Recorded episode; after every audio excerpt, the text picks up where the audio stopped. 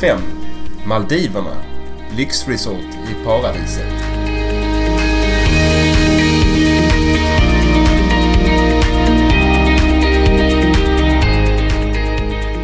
Ja, Rickard, nu är det en lite annorlunda upplevelse den här gången. Ja, precis. Det här är ju en podd om upplevelseresor och normalt sett så brukar det handla om väldigt äventyrliga upplevelseresor. Men den här gången är det någonting helt annat. Ja, i vanliga fall gör vi ju väldigt mycket men nu så ska vi bara ligga på beachen och ha det gött. Precis, fokus är på att bara vara, men att vara på den perfekta platsen. Vita stränder, turkost vatten på... Maldiverna. Det är ni. Häng med!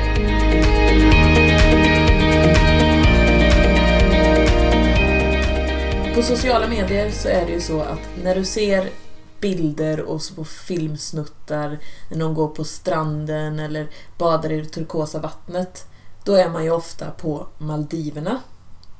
Precis, och det här är ju en plats som vi tillsammans har drömt om en del och tänkt att vi någon gång skulle till och plötsligt uppenbarade sig möjligheten när vi insåg att det var väldigt nära mellan Sri Lanka och Maldiverna. Så vi begav oss iväg på vad man skulle kunna kalla en pre-honeymoon egentligen. Ja, ett år innan eh, bröllopet så tog vi våran bröllopsresa fast pre-honeymoon.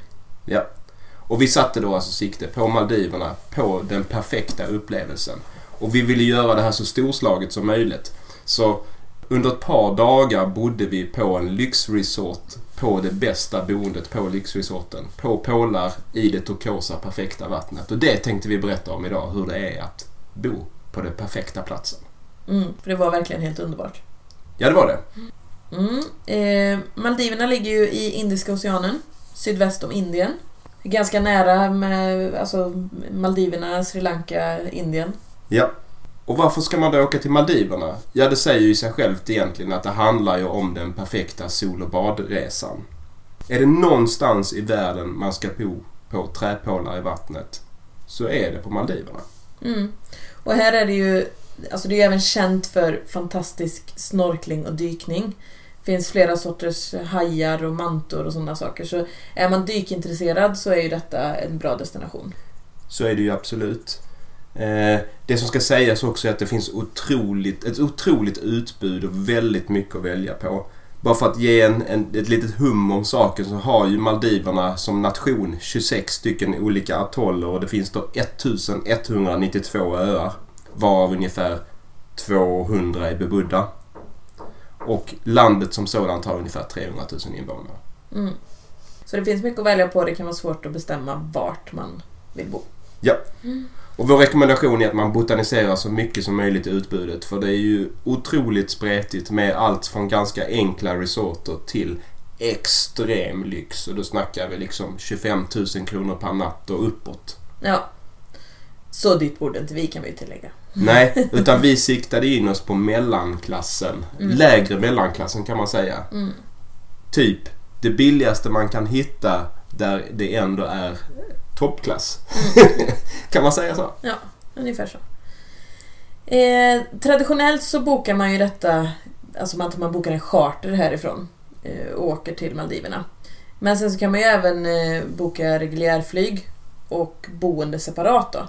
Vilket vi ju gjorde och vilket vi nog också förespråkar att man gör. Vi tror att man kan komma undan lite billigare om man gör det på det viset. Ja, det är vår absoluta övertygelse egentligen. Mm. Och vem gör sig då besväret att åka hit? Ja, det är ju honeymooners. Naturligtvis. Ja, det är det ju. Sen var det väl, det fanns ju någon barnfamilj och några lite äldre par och så, men de flesta var ju i våran ålder, yngre par liksom. ja.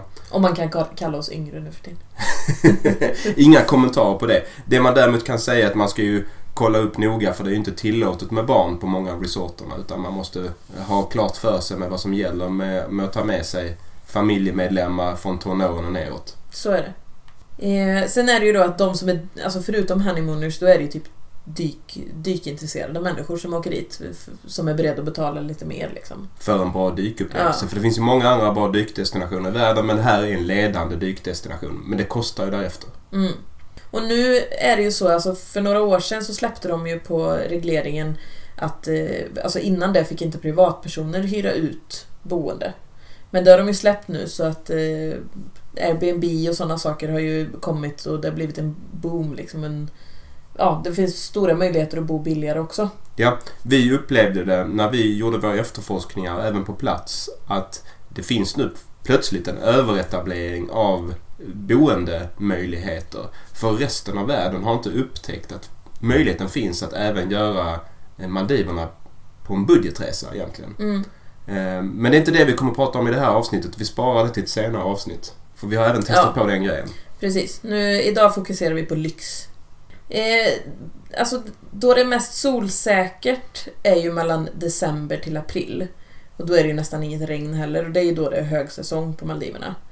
Sen går det ju att åka resten av året utan problem. Det är ju lite större molnrisk och högre luftfuktighet. Vi var ju där i juli och ja, det var ju nästan, det var, kom någon skur lite då och då men det var ju inte mycket regn. Det var egentligen inte så att det störde vår resa Nej. särskilt mycket. Nej, det var det inte. Och man kan ju hitta bättre priser i lågsäsongen. Så det behöver inte vara fel att åka på lågsäsong till Maldiverna. Tvärtom. Nej, i och med att det fortfarande är så pass varmt och så, så pass... Alltså det är, ju, det är ju fortfarande solsäkert liksom.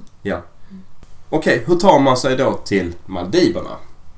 Ja, det finns naturligtvis flera olika alternativ. Och ett är ju att flyga in ifrån Sri Lanka, vilket vi gjorde, till en ganska låg peng. Och jag tror man kan komma undan med ungefär 1000-1500 spänn om man nu ändå råkar vara i regionen. Annars skulle du naturligtvis också ta långdistansflyg från Europa via till exempel Qatar, Doha i Qatar. Men vår tanke då dessutom när vi flög in ifrån Sri Lanka till Maldiverna var ju att vi ville maximera vår vistelse på den här dyra resorten.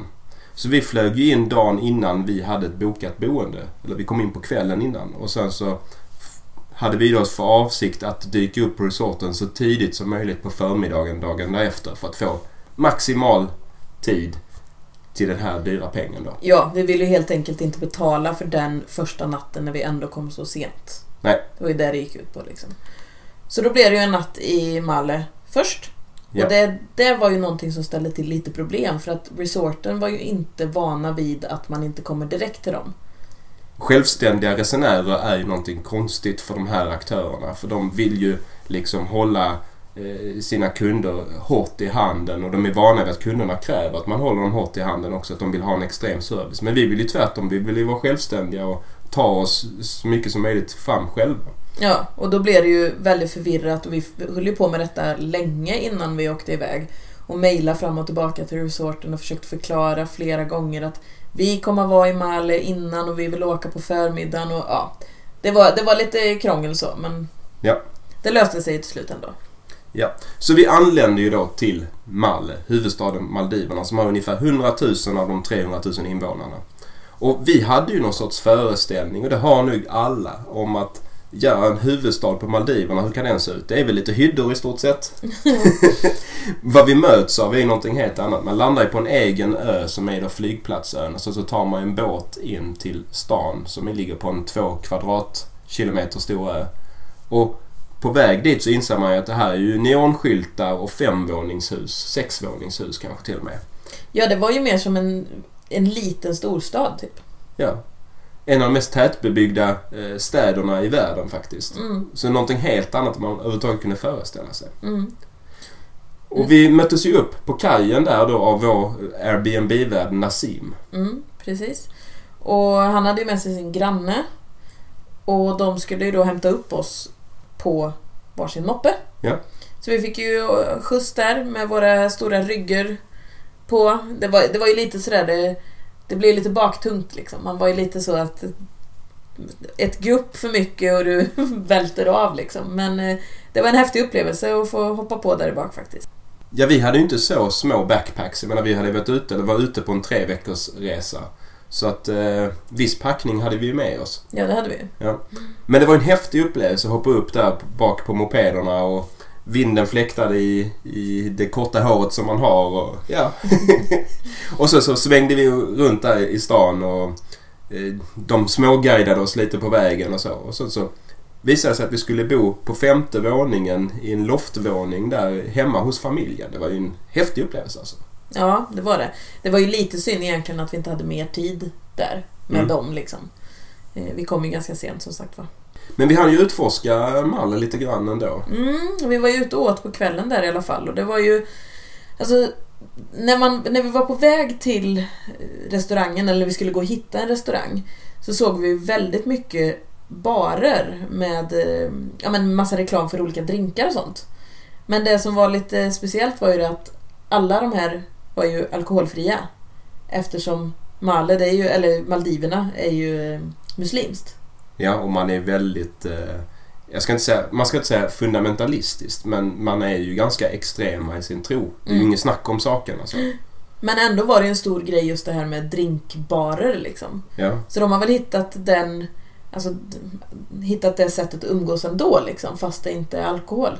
ja, och det är ju trevligt får man ju säga. Ja. Eh, och restaurangerna var ju också rätt kul på Malle, för deras grej där är ju att man har i princip knappt menyer, utan istället så har man vad ska man säga, displayer där man har gjort alla rätterna så står de i, i en glasmonter. Och så får man peka ut vilken rätt man ska ha. Vilket ju kan vara bra när man inte förstår språket och kan läsa menyerna. Nej, precis. Faktiskt.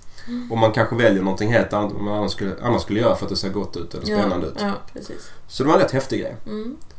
Vi sov i alla fall över där på femte våningen och morgonen därefter så tog vi oss ut till anvisad pir och eh, åkte speedboat till vår resort. Ja, och den speedboaten tog ungefär 30 minuter. Ja. Eh, det är ju väldigt olika hur, alltså beroende på vilken ö man väljer, vilken atoll och allt det här. Eh, vi hade ju valt att leta efter en ö där, alltså som vi kunde ta speedboat till. För att alltså vi hade gärna åkt seaplane som man gör annars, om de ligger längre bort, men det kostar ju skjortan. Eh, vi hade gärna provat det, men vi kände att vi måste hitta ett ställe där vi kan åka speedboat och där speedboaten inte tar för lång tid. Mm.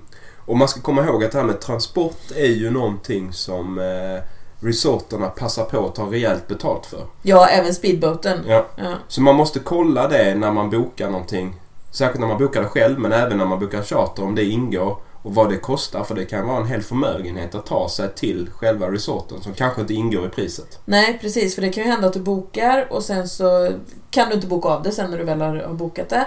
Och så visar det sig att du ska, måste ta ett seaplane dit för kanske 3-4 tusen liksom. Mm. Det är snudd på lurendrejeri i vissa Ja. fall så man måste Ja. vara vaksam där. Men sen kan man också se den här transporten som ett äventyr och det måste man ju göra för det är ju lite häftigt ändå. Ja, åka speedboat och ännu mer säkert åka seaplane. Mm. Ehm, ankomsten då. Det är ju kanske vår stora höjdpunkt egentligen. Eh, Den timmen från det att vi ser ön tills att vi har liksom, vad ska man säga, landat på ön. Ja, det var ju väldigt speciellt. Vi, vi kom ju då till paradisen Don Veli. Eh, på den här ön så låg då resorten Cinnamon Don Veli. Och man såg den ju på lite håll så hur vi åkte in där mot bryggan och allt det här. Och eh, när vi kom dit så var personalen kom personalen och mötte oss. De sjöng och spelade och hängde såna här eh, blomsterkransar på oss. Och det doftas kanel och ja, det var väldigt trevligt. Ja, namnet Cinnamon Don Veli, det körde man ju hårt på det här temat då med kanel liksom. Det var ju till och med kaneldoft inne på toaletterna och, Mm. ja, och på handdukar och, Mm. och allt möjligt. Och det var väldigt genomtänkt och liksom det här glaset med juice i handen och det kändes väldigt lyxigt allting. Ja, det gjorde det absolut. Och när vi kom dit också så var det ju, vi var ju ett gäng på speedboaten. Det var ju inte bara du och jag utan det var ju andra också. Och där var det ju, alltså vi var ju vi var ju inte speciellt uppklädda om man säger så. Vi var ju som sagt var ute och reste i, det här var ju vår, inne på vår tredje vecka. Eh, de andra var ju lite mer uppklädda än vad vi var. Och eh, det var ju lite roligt då när vi väl satt där och de delade in oss i olika grupper utefter vilket boende vi hade valt. Och vi då var de enda som hamnade i den här fina informationsgruppen för att det var vi som hade det finaste boendet. Ja, vi hade ju gått på det absolut dyraste som gick att boka på den här resorten och det kändes ju rätt så häftigt. Och man såg, man kunde riktigt känna och se blickarna. För man hade innan det känt hur folk nästan tittade ner på oss och de hade klätt Mm. upp sig och piffat till sig. Men det var vi då som fick sitta i den här ja, fina gruppen helt enkelt. Sen visste ju inte de att vi bara hade råd att stanna två nätter När vi gick verkligen, verkligen all in. På, ko- för på kort tid. ja. ja, precis. Men så kan man också göra. Mm. Det var ju för att vi ville uppleva det här med att bo på en villa, alltså en villa med så här, som ligger ut i vattnet på pålar. det var ju det vi exakt. kände att det vill vi ju uppleva. Och det var så vi bodde. Vad kallades vår rumstyp, eller vår boendetyp? Ov, eh, overwater suites, tror jag. Precis. Mm. Och så fanns det olika former av bungalows och overwater bungalow tror jag det fanns. Ja, så det fanns fanns också. Mm. På ön bungalows och ja, det fanns lite olika varianter. Du menar beach bungalow? Så kan man kanske kalla det. Ja, i alla fall när vi hade mm, suttit där i receptionen och fått den informationen vi behövde så skulle vi då ta oss till våran eh, fina villa på Pålar. Eh, och då eh, eskorterades vi ju över, ut på träbryggorna liksom eh, av en man som drog vårat eh, bagage på en stor kärra. Ja, man gick ju där bakom honom med gåshud när vi gick ut över de här bryggorna. Ja, det var ju så fantastiskt. wow bara. Det här händer på riktigt nu. Det är inte sant. Det händer. Det händer verkligen. Mm. Så kom vi ju in där då så var det ju ett... Först kom man in i ett stort vardagsrum. Och innanför det var det ett stort sovrum. Och sen så var det ett jättestort badrum med en stor jacuzzi. Allt är stort som ni hör. Eh, och dessutom ett stort soldäck. Och så var det ju en stege därifrån rakt ner i vattnet liksom. Ja, så man hade sitt eget soldäck med egen stege ner i vattnet. Mm. Och I det, det perfekta turkosa eller azurblåa vattnet. ja, och vi liksom went a bit crazy här nu. Ja, det, att- det är nästan pinsamt. Hade någon videofilmat oss här, jag hade skämts ihjäl alltså. Det finns inte en kvadratcentimeter av den här lägenheten som vi inte har fotograferat gånger tio. Nej men faktiskt, och väskorna fick stå kvar utanför, eller nej det fick de inte för att han ställde ju in dem åt oss men vi ställde ut dem utanför Ah. för att fotografera allting orört innan vi började liksom stöka till. Men det var ju fantastiskt, vi, vi har ju aldrig bott så fint förut i hela vårt liv liksom. Ja, och frågan är om det händer igen. Alltså, Nej, det det kraftiga skämspoäng på det där ändå, men lite kul var det. Alltså om det ska hända igen då får du vinna på det där tipset älskling. Ja, men det gör jag inte. Det Nej. Okej, när vi hade landat lite då så kände vi att nu var vi på lyxresort. Till frukost hade vi ätit knäckebröd med medhavd mjukost. På femte våningen. På dessutom en loftvåning på femte våningen liksom suttit på en säng och, och knaprat på budgetmat. Och vi kände att vi behöver ju någonting att äta. Det har gått ganska många timmar. Mm. Så vi begav oss till den här snacksbaren som fanns i väntan på att lunch skulle serveras. Ja, för vi hade ju, alltså det ingick ju all inclusive detta, i detta paketet som vi hade köpt. Ja. Så då var det ju eh, snacks i Sunset Bar, hette den ju. Mm. Så då gick vi dit för att äta lite. Och Och- där kom ju den första, eller nästa stora positiva chock. Ja, Vi hade ju varit på Sri Lanka i ett par veckor och jag går ju alltid lite bananas på det här med att dricka lokal öl. Och den största lokala ölen på Sri Lanka är ju Lion Beer.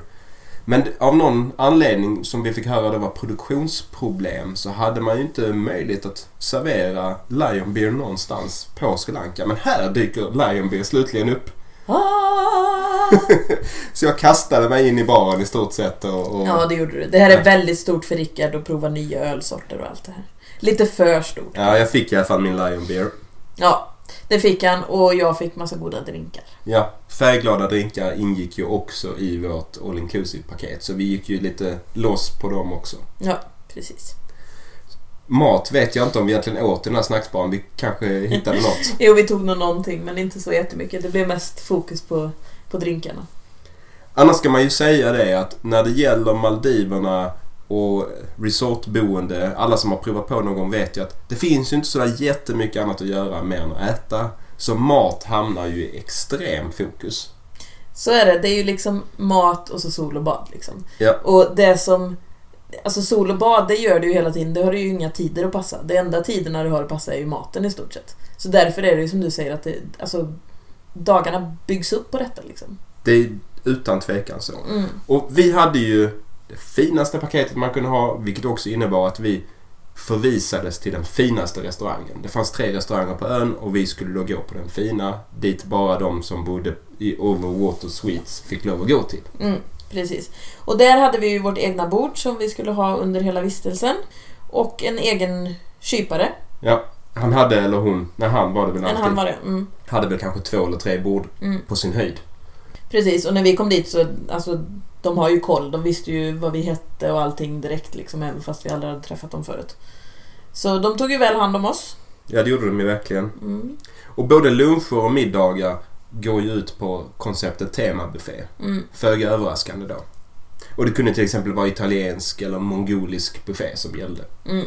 Jag tyckte ju att det absolut bästa var ju salladstanten. Alltså det var ju en dam som stod och... Alltså du hade alla tänkbara ingredienser du kan tänka dig till en sallad. Allt möjligt gott och så fick du bara välja ut liksom vad du ville ha och så gjorde hon i ordning den som du kunde ha till tillbehör till någonting eller om du bara ville äta sallad eller... Mm, det där imponerar kanske inte lika mycket på en man då. Jag gillade ju rostbiffsmannen. Det var ju en, en kock som stod i en prydlig kött, eh, kockmössa och skar upp min rostbiff och stekte upp den. Och han tyckte jag ju var trevlig. Såklart.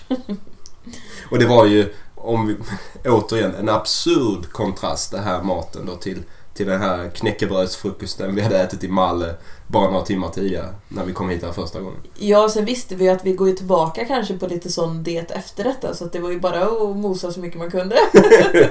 ja, det blev väldigt, väldigt konstigt det där. Men, Mm. och frukostarna ska vi inte glömma heller. Oh, det var gott. Det var Ja. mycket gott. Och då, nu ljög jag ju nästan när jag sa att den här eh, kockmössemannen som eh, skar upp rostbiff att det var min favorit. För att den allra bästa var egentligen den här eh, belgisk våffelmannen som stod och gjorde belgiska våfflor. Och ja, man kunde få så otroligt mycket Nutella på de här våfflorna så att det var liksom, det gick inte att se våfflan. Vi pratar inte eh, burkar Nutella, vi pratar badkar med Nutella. Ja, du went overboard där ja. Mm, Mm. det gjorde jag. Ska vi prata lite om hur det var att bada? Ja, vi hade ju som sagt var en stor eh, terrass eller altan. Och så kunde man ju då kliva rakt ner i vattnet därifrån. Så vi låg ju mycket på den. Dels för att vi kände att vi ville utnyttja liksom det vi, alltså det vi hade betalt för. Men också för att det var, ja, men det var rätt skönt att ha lite privacy det var hos oss. Liksom. Eh, och då var det som sagt var bara att kliva rakt ner i vattnet. Men det, var ju, det är ju lite koraller och sånt så det var bra att ha badskor. Mm, det är inte en helt perfekt botten. Det ser kanske Nej. lite bättre ut än vad det är. Så badskor är ju verkligen att rekommendera. Ja, det är det. Och här var det i alla fall jättemycket coola fiskar och, och så som vi fotade med våran GoPro. Mm, vi hade köpt med oss en GoPro-kamera just egentligen för det här. Mm. Så det höll vi på med en del för att sysselsätta oss då naturligtvis. Mm. Sen så, ja men du somnar ju på en solstol där i skuggan. Ja, Och jag såg små revhajar. Jag som är totalt livrädd för hajar, till och med i badkaret typ. mm, och bara din tanke på att de simmade in under vår Ja. bostad liksom gjorde ju dig lite nervös. Du vågade ju knappt gå på toaletten efter det. Nej usch, det var läskigt. Så sen kunde man knappt få dig att gå i bada själv efter det. Nej, jag ville helst att vi skulle vara två. Mm. Sen nu var det ju inga stora hajar, men eh, det räcker med en liten. De kan bita så mycket de med. Tror det, ja. Nu var det ju så att jag somnade av, av en orsak då. Jag, av någon anledning så hade jag ju dragit på mig någonting. Eh, och det här blev ju värre med tiden så att...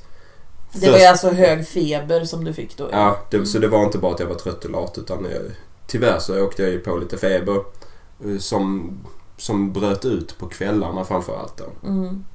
Så när jag låg och sov på kvällarna i hög feber så fick du ju sitta ute på balkongen där eller på, på vår uteplats och Nu hade jag ju det i och för sig väldigt skönt då. Men det är klart att det hade varit trevligare om du hade varit med också. Ja. Men det var riktigt härligt att sitta där ute i en solstol och läsa på kvällen till långt in på natten och bara...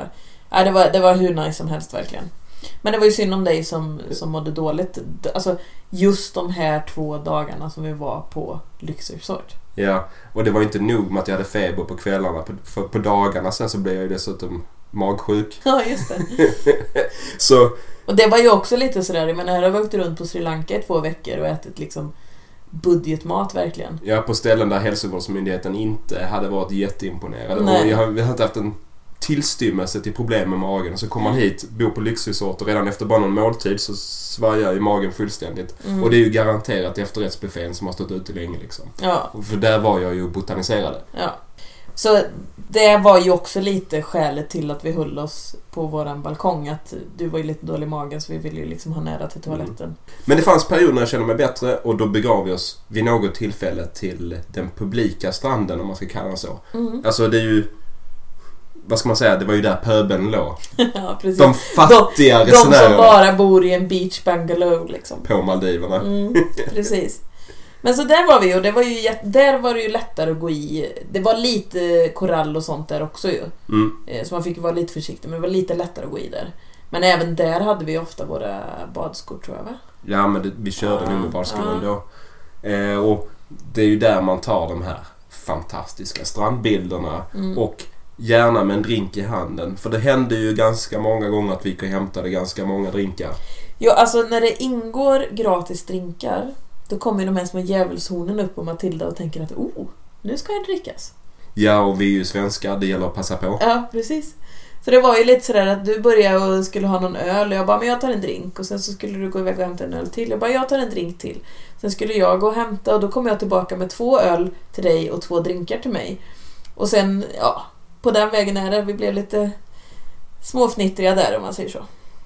Ja, det kan man väl eh, lugnt säga.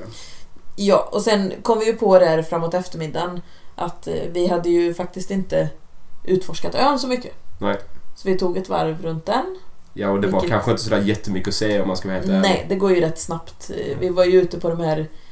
Alltså det fanns ju... Beach Bungalow var ju på, på stranden och sen så fanns det ju Overwater Bungalow eller något sånt där också. Så vi var ute och tittade där och sen så gick vi förbi eh, Alltså där personalen och sånt bor. Mm. Det var ju inte så mycket mer så det alltså, tar ju knappt 10 minuter att gå runt. Och upplevelsen eller bilden vi har är att så här ungefär är det på många av de här resortöarna. Att det är inte mycket, mycket mer att se på ön än själva resorten. Ibland är hel resorten är i stort sett ön. Så är det ju. Det är ju inget annat på ön. Utan det är ju uppbyggt bara för turismen. Mm. Så det är ju en uppbyggd resort och det är ju liksom... Ja, det är det som, som finns liksom. Ja. Ska vi prata lite om då vad man kan göra på en resort? Mm. Det är ju kanske inte så jättemycket då. alltså man, det är ju fokus på sol och bad såklart. Ja, och gratis drinkar. Såklart också. Men sen kan man ju åka på lite utflykter. Eh, dels så kan man ju snorkla ifrån stranden men sen kan man åka på snorklingsutflykt. Eller dykutflykt också såklart. Sen kan man ju åka iväg på såna här eh, besök i byar på lokala öar. Eh, Man kan ju även från de flesta öarna åka som seaplane, alltså inte, inte, som, inte bara som eh, transfer utan även betala extra för att åka på en sån upplevelse. Liksom. Sen är det ju fisketurer och man kan åka på till en öde, öde ö, typ gå, gå på en sån här liten, det är ju som en sandbank egentligen med lite palmer och så. Eh, gå av där och, och få med sig en picknick och sola och bada och vara helt själva på ön under dagen liksom. Ja, och leva Robinson Crusoe-liv eller mindre. Ja. Sen så såg vi faktiskt, det såg ju väldigt mysigt ut. Det var ju sån här sunset dining eh, Mm. där de hade byggt upp, eh, eller byggt upp, de hade ställt upp bord och stolar och tänt en massa ljus under någon sån här typ eh, litet tak liksom. Eh, ute på kvällen där och så här romantisk dinner liksom. Det såg jättemysigt ut.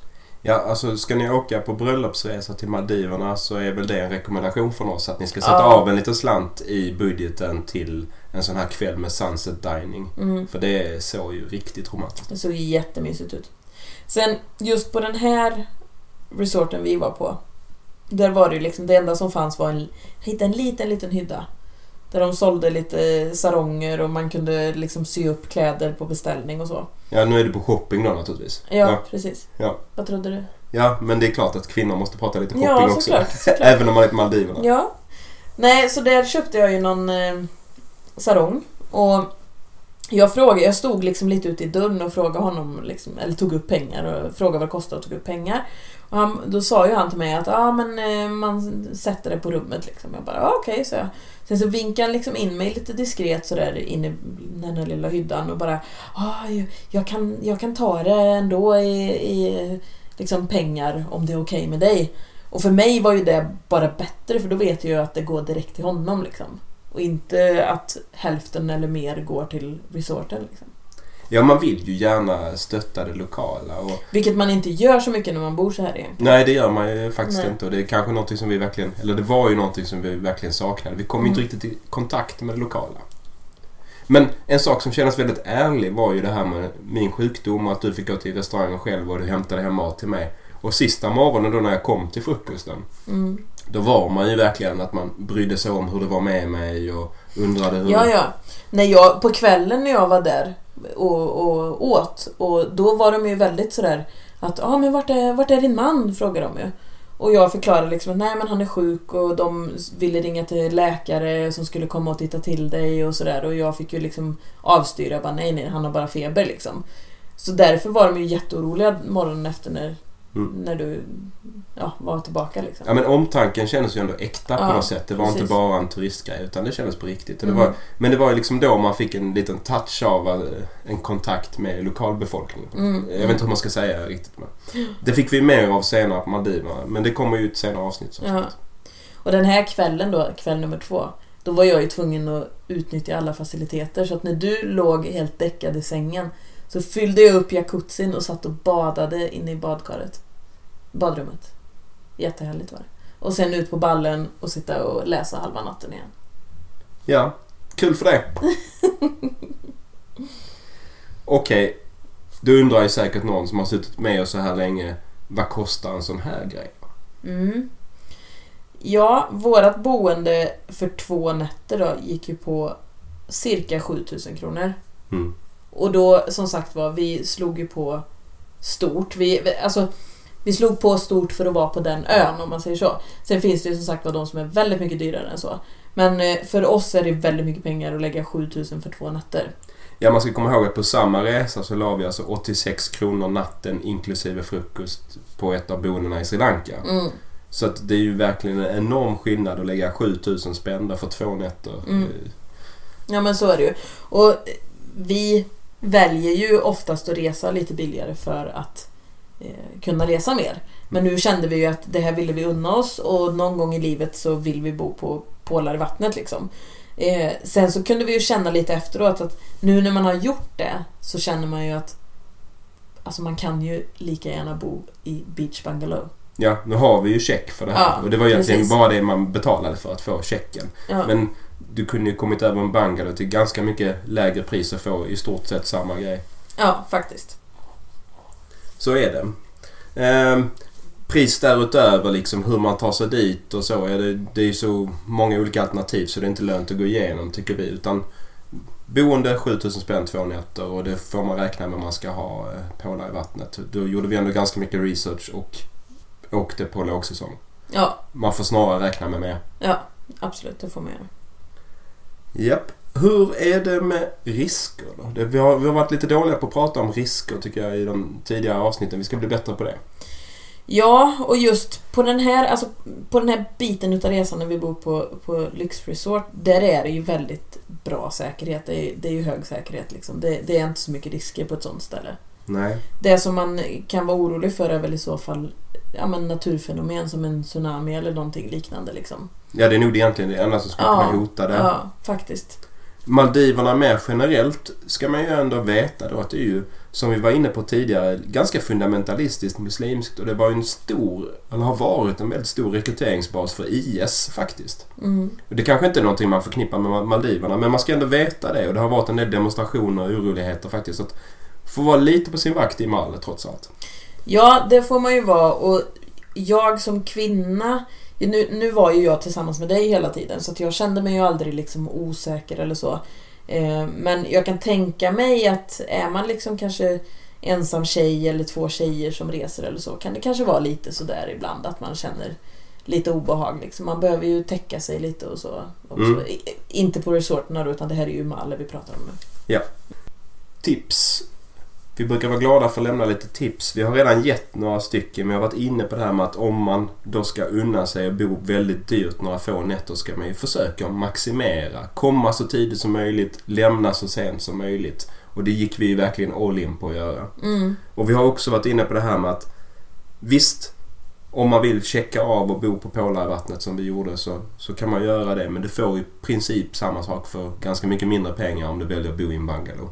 Så är det. Och det alltså, då kan man ju stanna längre tid också. Mm. på stället. Men sen så kan man ju även byta resort. Ja, alltså det är lätt att drabbas av lappsjukan. I alla fall människor som vi som är ganska aktiva och gillar att röra Mm, på oss och se mm. och uppleva saker på semestern. Och det är så otroligt dyrt att göra aktiviteter ifrån ön. Men då kan man ju åtminstone försöka ge sig på att byta resort. Ja, Det är ingen som tvingar dig att vara på samma ställe i en eller två veckor. Du kan ju byta. mm, precis. Och sen det här också som vi pratade om tidigare att ta speedboat istället för seaplane om det går för att det blir lite billigare. Ja. Eller ganska mycket billigare egentligen fast det är ju dyrt det också. Men... Ja, och sen som sagt. Kolla runt. Kolla olika chartermöjligheter. Kolla på eh, flyg. Kolla möjligheterna att boka själv. Det finns 1200 öar på Maldiverna. Det finns otaliga möjligheter till boende och, och det går att hitta riktigt fina upplevelsepaket till överlevnadsmässiga priser om man säger så. Mm, Det måste inte kosta hur mycket som helst. nej. Men det är inte en billig budgetdestination. Det är Nej. det inte. Och vad finns i din resväska? Alltså sol och badresa, det behöver man ju inte mycket i resväskan. Nej, det behöver man inte. Sen kan det väl kanske vara kul att ha några lite finare kläder till middagen till exempel. Men det var ju ändå väldigt så casual liksom. Ja men absolut, det var Mm. inga konstigheter med det. Eh, och det man kanske då ska, om man återigen pratar budget, det som kan vara smart att ha med sig är ju snorklingsutrustning. Det är ju rätt så dyrt att hyra det och du hyr det över en hel dag på resorterna ofta. Mm. Så att har man prylarna hemma och man ändå har liksom, får lov att ta med sig 20 eller 25 eller 30 kilo på flyget. Då kan man lika bara trycka ner sin snorklingsutrustning där. Ja. För det kostar rätt mycket att hyra det. ja, och framförallt om man då vill... Alltså ofta så vill du kanske inte snorkla en hel dag utan du vill snorkla lite varje dag. Mm. Och då drar det iväg rätt snabbt liksom med pengarna. Och sen som sagt, badskor ska man ha med sig. Mm. Det, det är ju så att de här... När du ser bilder från Maldiverna så är det ju vita stränder och turkost vatten. Du ser ju inte alla korallerna som är i vattnet. Så man tänker sig ju att det är bara så här jättenice att bara kliva ut där. Men det är ju lite koraller i, i botten. Så att man... Badskor är bra liksom. Mm. Komboförslagen har vi väl också egentligen varit inne på redan. Det givna och vår rekommendation är ju att kombinera det här med Sri Lanka. Mm. Och vi valde ju att lägga Sri Lanka först och Maldiverna sist just för att ja, men åka iväg i tre veckor, köra massa äventyr, massa upplevelser, fullspäckat schema och sen så avsluta med några dagar när det bara var sol och bad och soft. Det hade egentligen varit den perfekta bröllopsresan om man ska vara helt ärlig. Mm. Det hade det varit. Nu gjorde vi det innan men Sen eh, en annan sak är ju att man kan kombinera, som vi gjorde, lyxresort med att åka till en lokal ö. ja. Och, Och få uppleva lite mer av eh, alltså, lokalbefolkningen och allt detta. ja, nu när det har öppnats upp och eh, lokalbefolkningen själva får lov att hyra ut sina boenden eller små eh, enkla mini-resorter så finns det ganska många spännande alternativ och de säljs ofta i paket med en massa utflykter och så. Men vi kommer att prata mer som sagt om det i ett senare avsnitt. Finns det något eh, liknande att rekommendera? Ja, det är ju klart. Eh, Det finns ju massor med liknande saker att rekommendera. Vi har inte varit på alla de här klassikerna, Seychellerna och Mauritius och så. Men däremot har vi ju varit i Söderhavet. Jag alldeles för länge höll jag på att säga och du ganska mycket också. Eh, Det finns ju Bora Bora till exempel och det finns ju ja, Franska Polynesien, Cooköarna, Tonga, Fiji, Vanuatu. Det finns massor. Ja, sen vet inte jag, alltså vi var ju på Cooköarna. Om man tänker, alltså vi var ju på en sån lyxresort på Rarotonga som är huvudön. Eh, där var det ju, alltså där är det ju på huvudön så där finns det ju massa andra grejer att göra. Men hur var det på liksom Bora Bora och de här? Är det uppbyggt bara en resort på ön som det var på Maldiverna? Eller är det lite annorlunda? Ja, Jag upplever nog på många ställen i Söderhavet framförallt att det finns lite mer saker och alternativ att sysselsätta sig med. Mm. Alltså vandringar på öarna och så. Att, att det här eh, blev lite lamt faktiskt. Mm. Mm. Eh, jag hade önskat mig lite mer möjligheter och kanske lite mer chanser att uppleva natur. Nu finns ju dyk och snorklingsmöjligheterna men även kanske lite vandring och, och lite annat. Och kanske även lite mer lokalbefolkning och, och så. Ja, framförallt när man är så pass aktiva på resorna som vi är. Då, alltså man blir lite uttråkad. Jag, jag kan ligga och sola länge men det blir ändå lite... Alltså man vill gärna se och göra någonting, man vill uppleva det lokala, man vill uppleva hur landet faktiskt är. Och det gör man ju inte riktigt på resorten. Nej, så är det ju absolut. Och det här leder oss ju nästan, ganska naturligt i alla fall, till nästa fråga. Och det är ju, skulle vi åka till Maldiverna igen? Ja, alltså det är klart att Maldiverna är ju Maldiverna. Det är klart man åker dit igen om man får möjlighet. Men det är ju ganska dyrt att åka och som det ser ut nu så skulle jag ju nog hellre åka någon annanstans då för att besöka, ja men kanske, kanske Seychellerna eller Mauritius istället. Eh, just för att ja, man har gjort detta nu helt enkelt. Ja, jag känner nog detsamma. Mm. Det, var, eh, det var verkligen häftigt.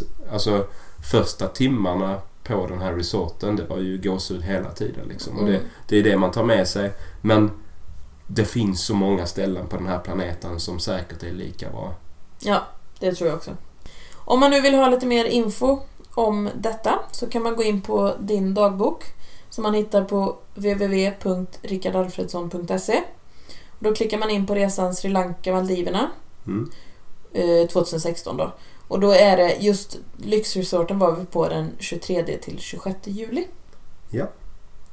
Okej.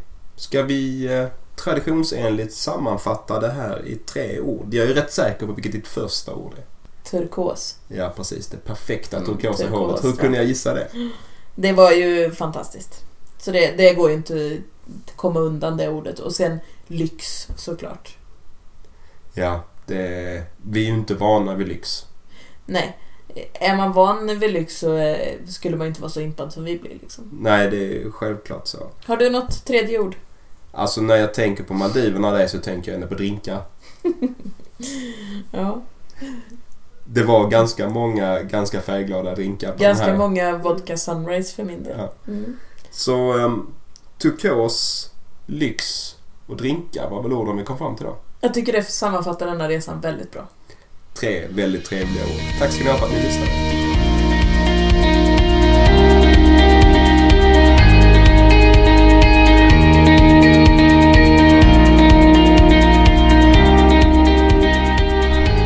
Kika gärna in på vår hemsida www.resta.se, där vi bland annat lägger ut bilder från våra resor.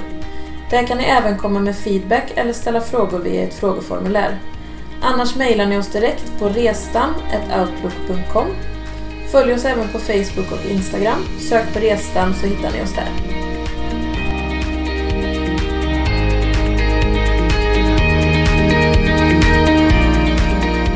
Ja, till nästa avsnitt då vänder vi myntet helt igen. Ja, efter ett avsnitt som inte varit särskilt äventyrligt så går vi tillbaka till de mer extrema äventyr. Ja, nu ska vi till Senegal och åker busstaxi i Västafrika. Ja, och det blir ju en färgrik och otroligt spännande upplevelse som ni bara måste lyssna till. Ja, det får ni inte missa.